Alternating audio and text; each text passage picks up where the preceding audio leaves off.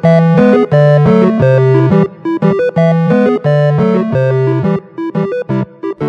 og velkommen til Kompetanse Norges podkast, hvor vi skal snakke om arbeidsrettinga av norskopplæringa.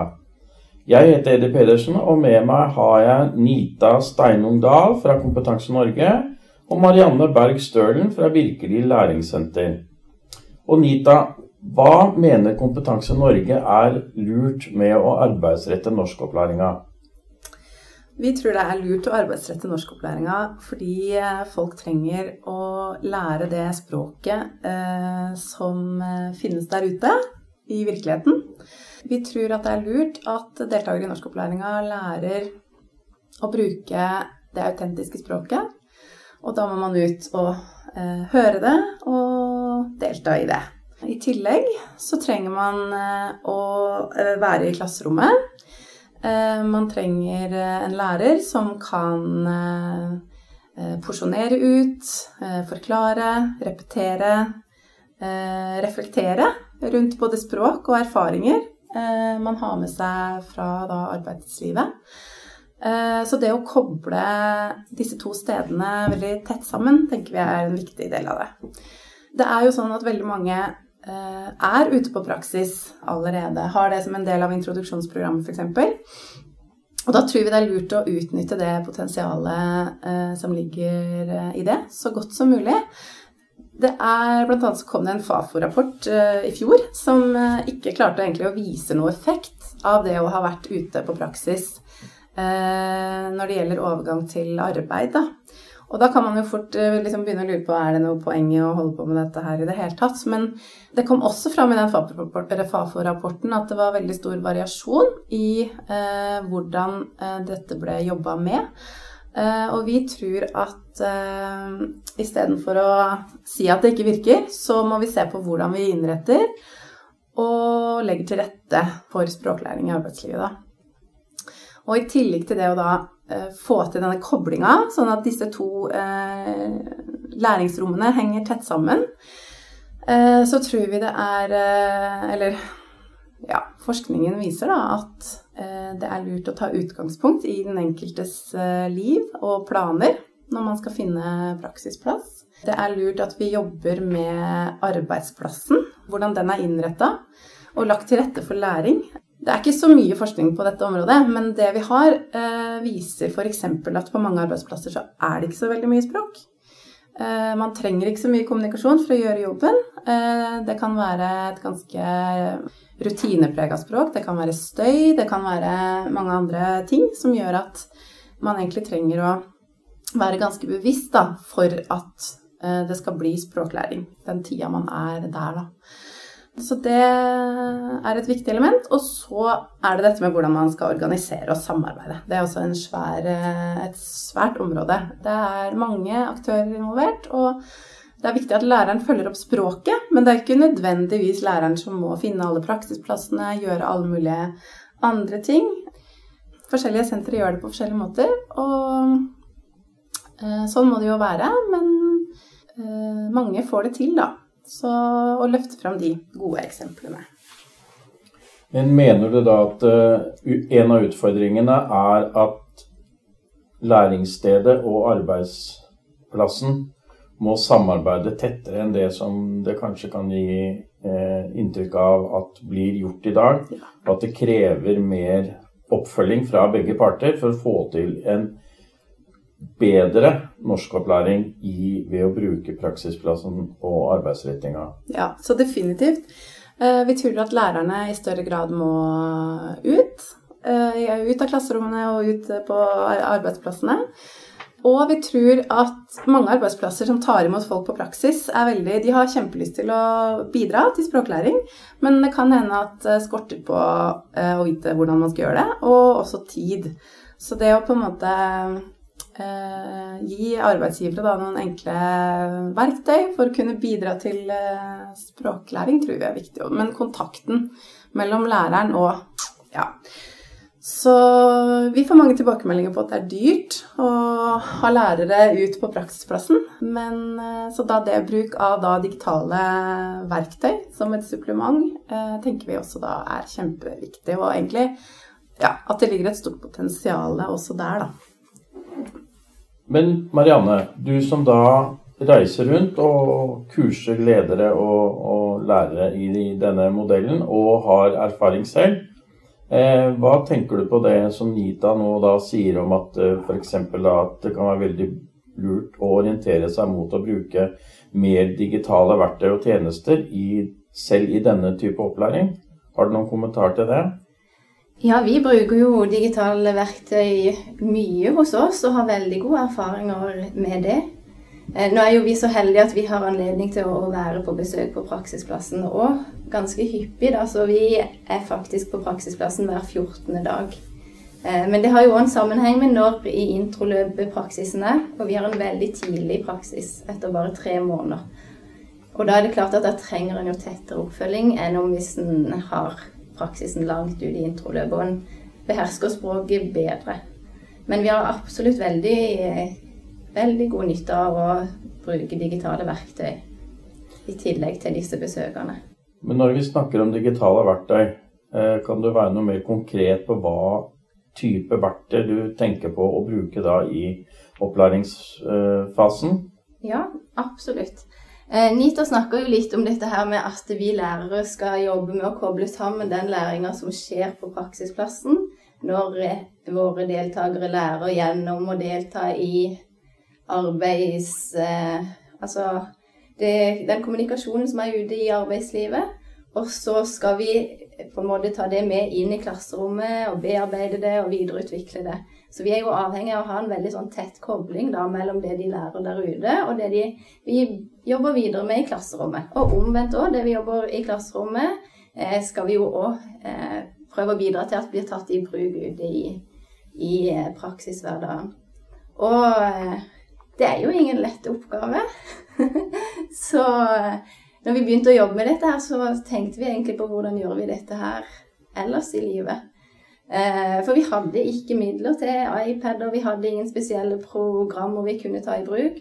Og da tenkte vi det at eh, de aller, aller fleste av oss de går rundt med en eh, smarttelefon i lomma som er egentlig er en liten datamaskin med funksjoner for kamera til at vi kan ta bilder, vi kan ta filmer, vi kan ta lydopptak. Eh, og den er tilgjengelig. Og de aller, aller fleste av våre deltakere er veldig dyktige på denne telefonen. De er digitalt sterke. Mange har brukt den på flukten for å komme til Norge. Eh, og i det hele tatt, vi opplevde at den digitale kompetansen var god på smarttelefoner. Ja.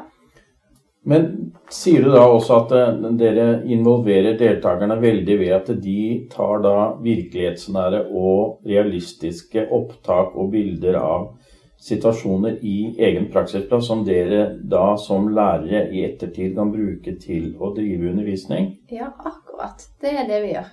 Mm. Så de bruker telefonen til å ta bilder av situasjoner de er i Eh, kanskje de skal fortelle hva de gjør på praksisplassen. Da kan de ta bilder av arbeidsoppgaver, eller de kan lage en film hvis de klarer å gjøre det.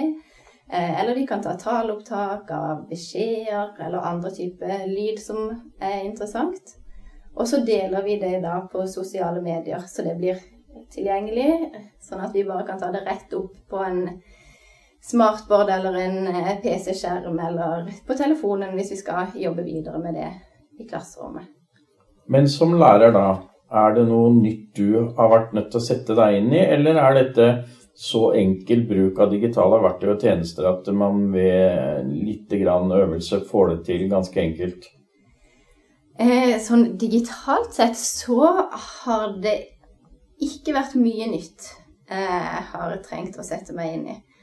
Eh, jeg hadde ikke brukt, brukt WhatsApp før, som vi har eh, brukt litt som et medium for oss å videreformidle disse bildene og filmene og sånn. Men eh, det hadde en kollega som hadde brukt, og det var kjempeenkelt og brukervennlig. Og det, ikke, det tok virkelig ikke lang tid før eh, en var i stand til å gjøre det. Men når, det, når, når vi snakker om eh, ting som er nytt, så tenker jeg at den måten å jobbe på når en henter inn autentisk materiale fra arbeidslivet, fra praksisplassene, og bruker det som eh, utgangspunktet blir jo egentlig innholdsdimensjonen i faget, da, som vi skal ha med inn.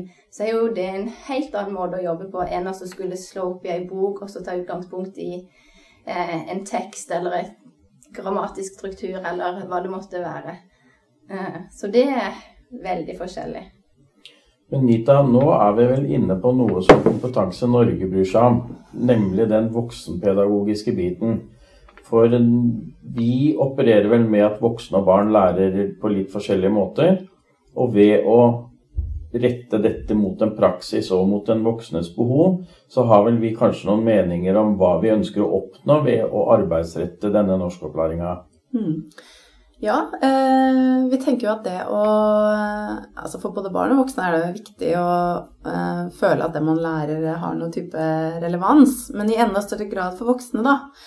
Og det å knytte an da til arbeidsliv, som selvfølgelig er en viktig arena for voksne. Mange vil ut i arbeid så fort som mulig. Mange har med seg erfaringer som de vil bruke i Norge. Og eh, det er jo en måte å egentlig si, bidra til å øke motivasjonen, da. Det at man opplever Altså vi, vi tror i hvert fall at hvis man opplever læringssituasjonene som meningsfulle og, meningsfulle og viktige for seg og sitt liv og dit man skal, så vil det øke motivasjonen for læring, da. Jeg vet ikke om dere opplever det sånn, eller har dere noe liksom jo, mer erfaringsbasert å si om det? Absolutt. Ja. Eh, Det, er jo, det er jo akkurat det du sier vi opplever. For det er klart at det vi jobber med både på praksisplassen og på skolen, det er akkurat det våre deltakere trenger for å kunne fungere i kommunikasjonen på praksisplassen. Så når vi jobber med eh, helt autentiske beskjeder de har fått på praksisplassen, så er det jo noe de virkelig har behov for for oss å kunne delta på en kompetent måte i arbeidslivet. Og det ønsker jo de aller, aller fleste av oss. Og da, som du sier, så tar vi utgangspunkt i de erfaringene de har med språk på praksisplassen. Og så, eh, når vi da jobber videre med det, så er det jo selvfølgelig relevant og meningsfullt å holde på med. Og da kommer jo motivasjonen eh, ja, nesten automatisk. Men du nevnte også at det, dere deler materiale via da f.eks. Facebook. Hvordan ivaretar dere da skal jeg si for noe, tanken rundt litt personvern og sånt noe, som jo er viktig å ha litt i bakhodet nå i disse digitale tider? Ja, vi har prøvd ut ulike kanaler. Så vi har prøvd ut Facebook, og nå har vi brukt mer WhatsApp i det siste. Men i de tilfellene vi har brukt f.eks. Facebook, så har vi vært veldig nøye på å ha digital opplæring i forkant. Og da har vi en kjempedyktig IKT-lærer på skolen som har ansvar for det. Og da går, vi, da går han gjennom sånne ting som personverninnstillinger. Hva deler du med hvem? Har du åpen profil, eller eh, har du definert hvem som skal se det du deler ja, på, på eh, profilen din? Og ja, samtaler om hva deler en på Facebook, hva deler en ikke på Facebook. eh, Hvilket profilbilde har du, hvilke forsidebilder har du? Og det har vært noen veldig nyttige samtaler rundt det. Eh, Og vi har avdekka noen ting som har vært viktige å på en måte få lukt ut av før vi begynner. Ja, dette er en viktig kompetanse i det å forholde seg til et digitalt samfunn som Norge er veldig langt framme i å være. Så dette vil sannsynligvis ha nytteverdi på flere områder, også senere i livet. Men eh, dere deler eh, på Facebook f.eks. Men er det da bare den enkelte deltaker og læreren som tar i bruk, eller deler de forskjellige deltakere materialet seg imellom også? Og hvordan påvirker dette motivasjonen ved f.eks. det at det blir litt status å dele da gode utdrag og bilder og diverse? Har du noen erfaring med det? Ja, absolutt. Eh, og vi har alltid grupper, eller vi har både og. Vi har grupper f.eks. på Facebook, da, hvor alle elevene og lærerne er med i samme gruppe. Og da tror jeg, tror jeg det er veldig viktig for dem å dele materiale som er bra, da. Eh, Så de kan eh, ja, vise hva de kan, og hva de får til, og dele sine erfaringer. Og det med å ha et eh, læringsfellesskap i klassen som er i samme båt, det tror jeg er kjempeviktig. For det, selv om hos oss er de på praksisplasser på forskjellige steder, men alle er for første gang ute i arbeidslivet i Norge. Og de har sånn sett en lik erfaring, hvor de har nytte av å ja, dele erfaringer. De kan bli interessert i hverandres opplevelser. Det opplever jeg de gjør på en helt annen måte når de får litt mer innblikk i de andres praksisplasser. Når de ser bilder av hvordan andre har det, når de deler filmer av hva de gjør på praksisplassen, så er det klart at de andre elevenes interesser de, blir jo Det blir mye, mye høyere interesse for hva de andre gjør og lærer, enn hvis en bare skal prøve å fortelle med ord. For da klarer en gjerne ikke å få formidla så mye. Så jeg tror det er kjempeviktig at vi er gruppe. Og, og hvis de deler tekster, så er det ulike måter å løse oppgaver på. Og veldig ofte i skolen så er det jo sånn at du skriver en tekst, og så sender du til læreren. Og så blir den kanskje vurdert som mer eller mindre bra. Men du har ditt repertoar, du har på en måte det du pleier å gjøre, og det er det du kanskje fortsetter å gjøre òg. Men når du får mange ulike måter å løse oppgaven på, så får du etter hvert, tror jeg, da, et større repertoar, og du ser ulike måter det går an å løse den oppgaven på. Så jeg tror det er veldig mange fine ting med å være en, i en gruppe. Men samtidig så har vi jo òg veldig tett kontakt med de individuelt. Så vi har i tillegg til gruppa, så vi også, sender vi òg direktemeldinger hvis det er ting som, eh, som bare er viktig for den enkelte. Ah. Nita? Jeg bare Kan jeg få lov å stille et spørsmål, ja. Ehm, du nevnte at i tillegg til denne ganske omfattende digitale oppfølginga, så eh, reiser dere i tillegg ut mm. hver 14. dag og besøker deltakerne deres ute på praksisplassene. Så jeg bare lurer på hvorfor dere gjør begge deler. Eller sånn Dere har da tydeligvis funnet ut at det ikke holder med digital oppfølging mm. alene, da. Om du kan si litt om det? Ja, jeg tror For meg så er det veldig viktig å faktisk eh, være ute på praksisplassene i tillegg. Og jeg tror en av grunnene til at det er såpass viktig hos oss, er at vi har praksis så tidlig. Etter kun tre måneder. Og eh, da blir behovet for oppfølging fra læreren større. Rett og slett fordi at språket har ikke utvikla seg så mye enda, og man har ikke lært så mye om norsk samfunn enda. Og i tillegg til, det, til sånne grenseoppganger, hva kan jeg ta bilde av, eh, hvor kan vi filme, sånne type ting kan jeg òg være med å støtte. Og samtidig så tenker jeg at jeg vet jo ikke alt om hva som skjer ute på de forskjellige praksisplassene, så jeg lærer utrolig mye av å observere de når de jobber, av å kanskje jobbe sammen med de på praksisplassen.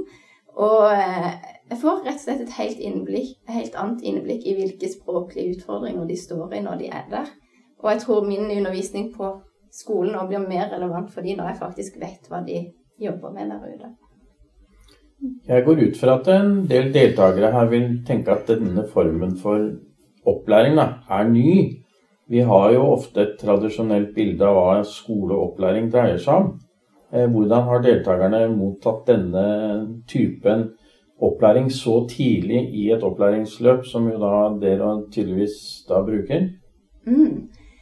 Eh, nei, det er jo litt forskjellig. For det er jo akkurat som du sier, at mange er vant til en type undervisning hvor læreren på en måte forteller hvordan ting skal være, og så skal han huske å lære det læreren forteller, men dette blir jo helt annerledes. Så det tar ofte litt tid, men etter hvert som vi har jobba sånn ei stund, så liker de aller, aller fleste denne måten å jobbe på veldig godt. Mm. Hvilke utfordringer har det egentlig vært eh, mest for, for egen lærerrolle ved å, å kombinere denne, skal jeg si for noe, bruk av arbeidslivet som læringsarena, og i tillegg bruk av digitale verktøy og tjenester, og knytte disse elementene sammen i en læringssituasjon fra et eh, læringssenter? Åh, det er jo vanskelig spørsmål. Hva har vært vanskeligst?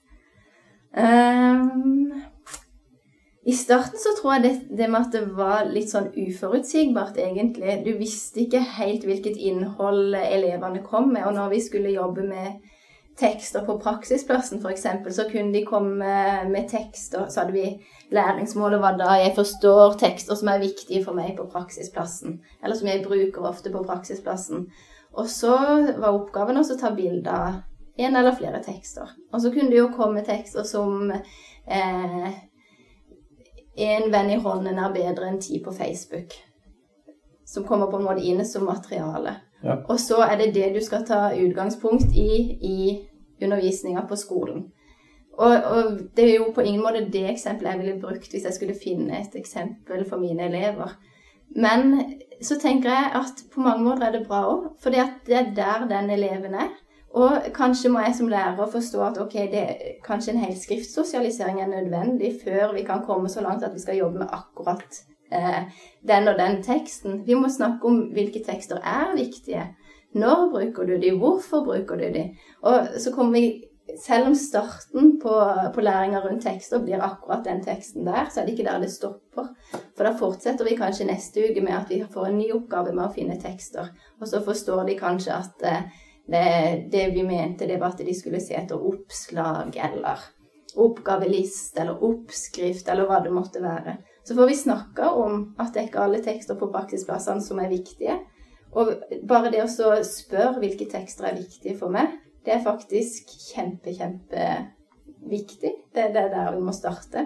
Og så blir det ja, relevant for den enkelte. Og vi tar utgangspunkt i den enkelte akkurat der vedkommende. Men Nita, Kompetanse Norge, kan de bidra med noe for å utvikle mer læringsressurser knytta til denne metoden? Er det noen planer om det? Ja, vi eh, holder, det vi holder på med akkurat nå, er egentlig arbeidsplassen, da. Og hva den Altså tilrettelegging der. Vi holder på å lage en e-læringsressurs som kommer til vinteren. Som er ment da for kolleger til folk som har praksis i arbeidslivet.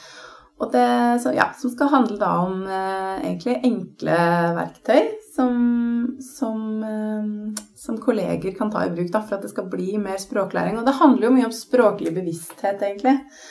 Um, og ja, en sånn enkel ting som å skru på lyden, f.eks., når man jobber. At ja, sette ord på det man gjør. Få den som lærer språket til å gjøre det samme. Uh, ja, som et eksempel, da. For vi tror at ja, som jeg sa i stad òg, vi tror at veldig mange vil eh, hjelpe til. Men de er jo ikke lærere De kan lære bort jobben, men for at de skal lære bort språk, så trenger de kanskje litt eh, støtte fra oss, da. Eh, og ellers så ligger det veldig mye ute på temasidene til Kompetansen. Eller det er en egen temaside om arbeidsretting av norskopplæringen. Der ligger det mye stoff om egentlig alle disse temaene, da. Innafor arbeidsretting. Eh, så der er det bare å gå inn og finne og lese. Men Marianne, du, nå sier Nita at det, er kanskje ikke så veldig mye stoff som, som tar for seg bruk av denne metoden per dags dato. Eh, hvorfor valgte dere egentlig å, å, begynne med denne type opplæring, og hva ser du som den største fordelen i forhold til å da bruke, skal vi kalle det tradisjonelle læreverk? Eh, ja um, Hvorfor vi begynte å bruke digitale verktøy. Ja, og ja. denne praksistilnærmingen i en norskopplæringssituasjon, som jo i hvert fall tidligere har vært kanskje litt mer tradisjonell språkopplæring ja. i en skolesituasjon. Mm. Eh, vi starta jo med språkpraksis, med pedagogoppfølging egentlig litt etter at eh, fokusen på arbeidsretting eh, hadde blitt tydeligere fra, fra f.eks. Kompetanse Norges side.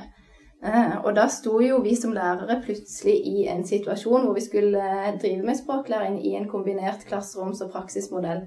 Og da så vi jo at vi måtte jobbe på en annen måte enn vi hadde gjort før. Så ja, og jeg opplever Altså Det vi klarer nå som ikke vi klarte før, det er jo å ta tak i de faktiske språklige utfordringene våre deltakere står i når de er ute i arbeidslivet. For hvis du har et læreverk, så må det jo være generelt å prøve å tilpasse det til de fleste.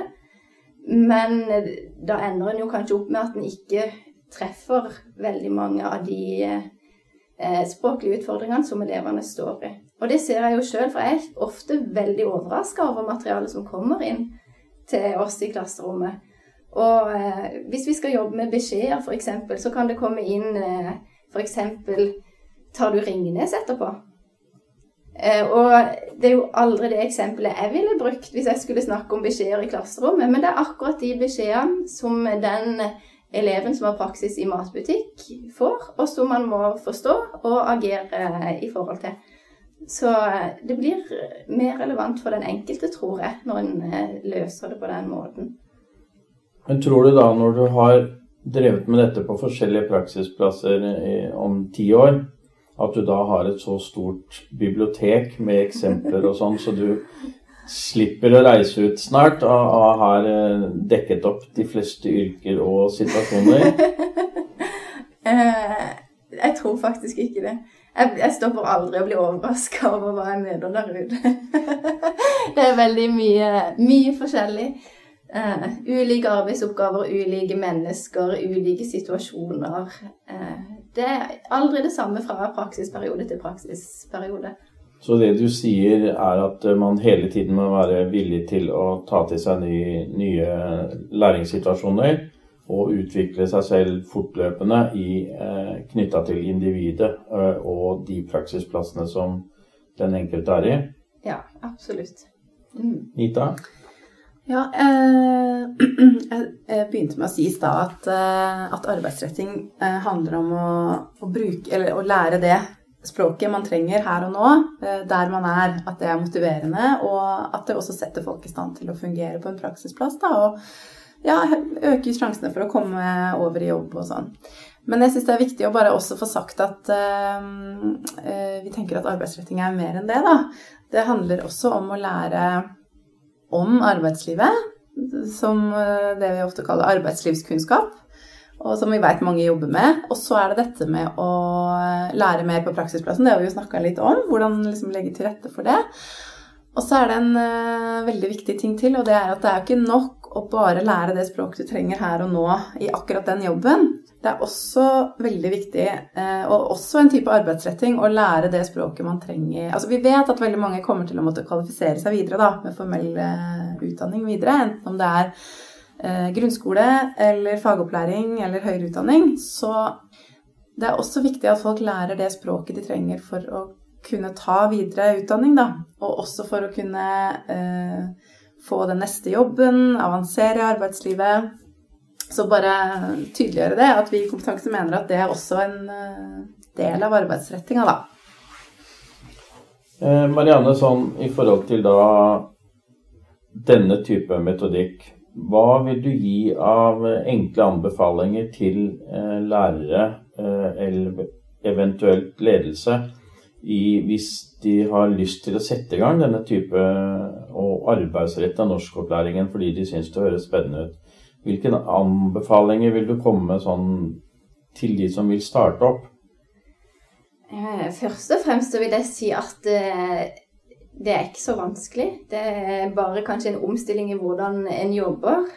Eh, en må ha en struktur som gjør det mulig. En må ha mulighet for forarbeid før hver praksisuke. En må ha mulighet til å gjennomføre oppgaver i praksis, og så må en ha mulighet til etterarbeid.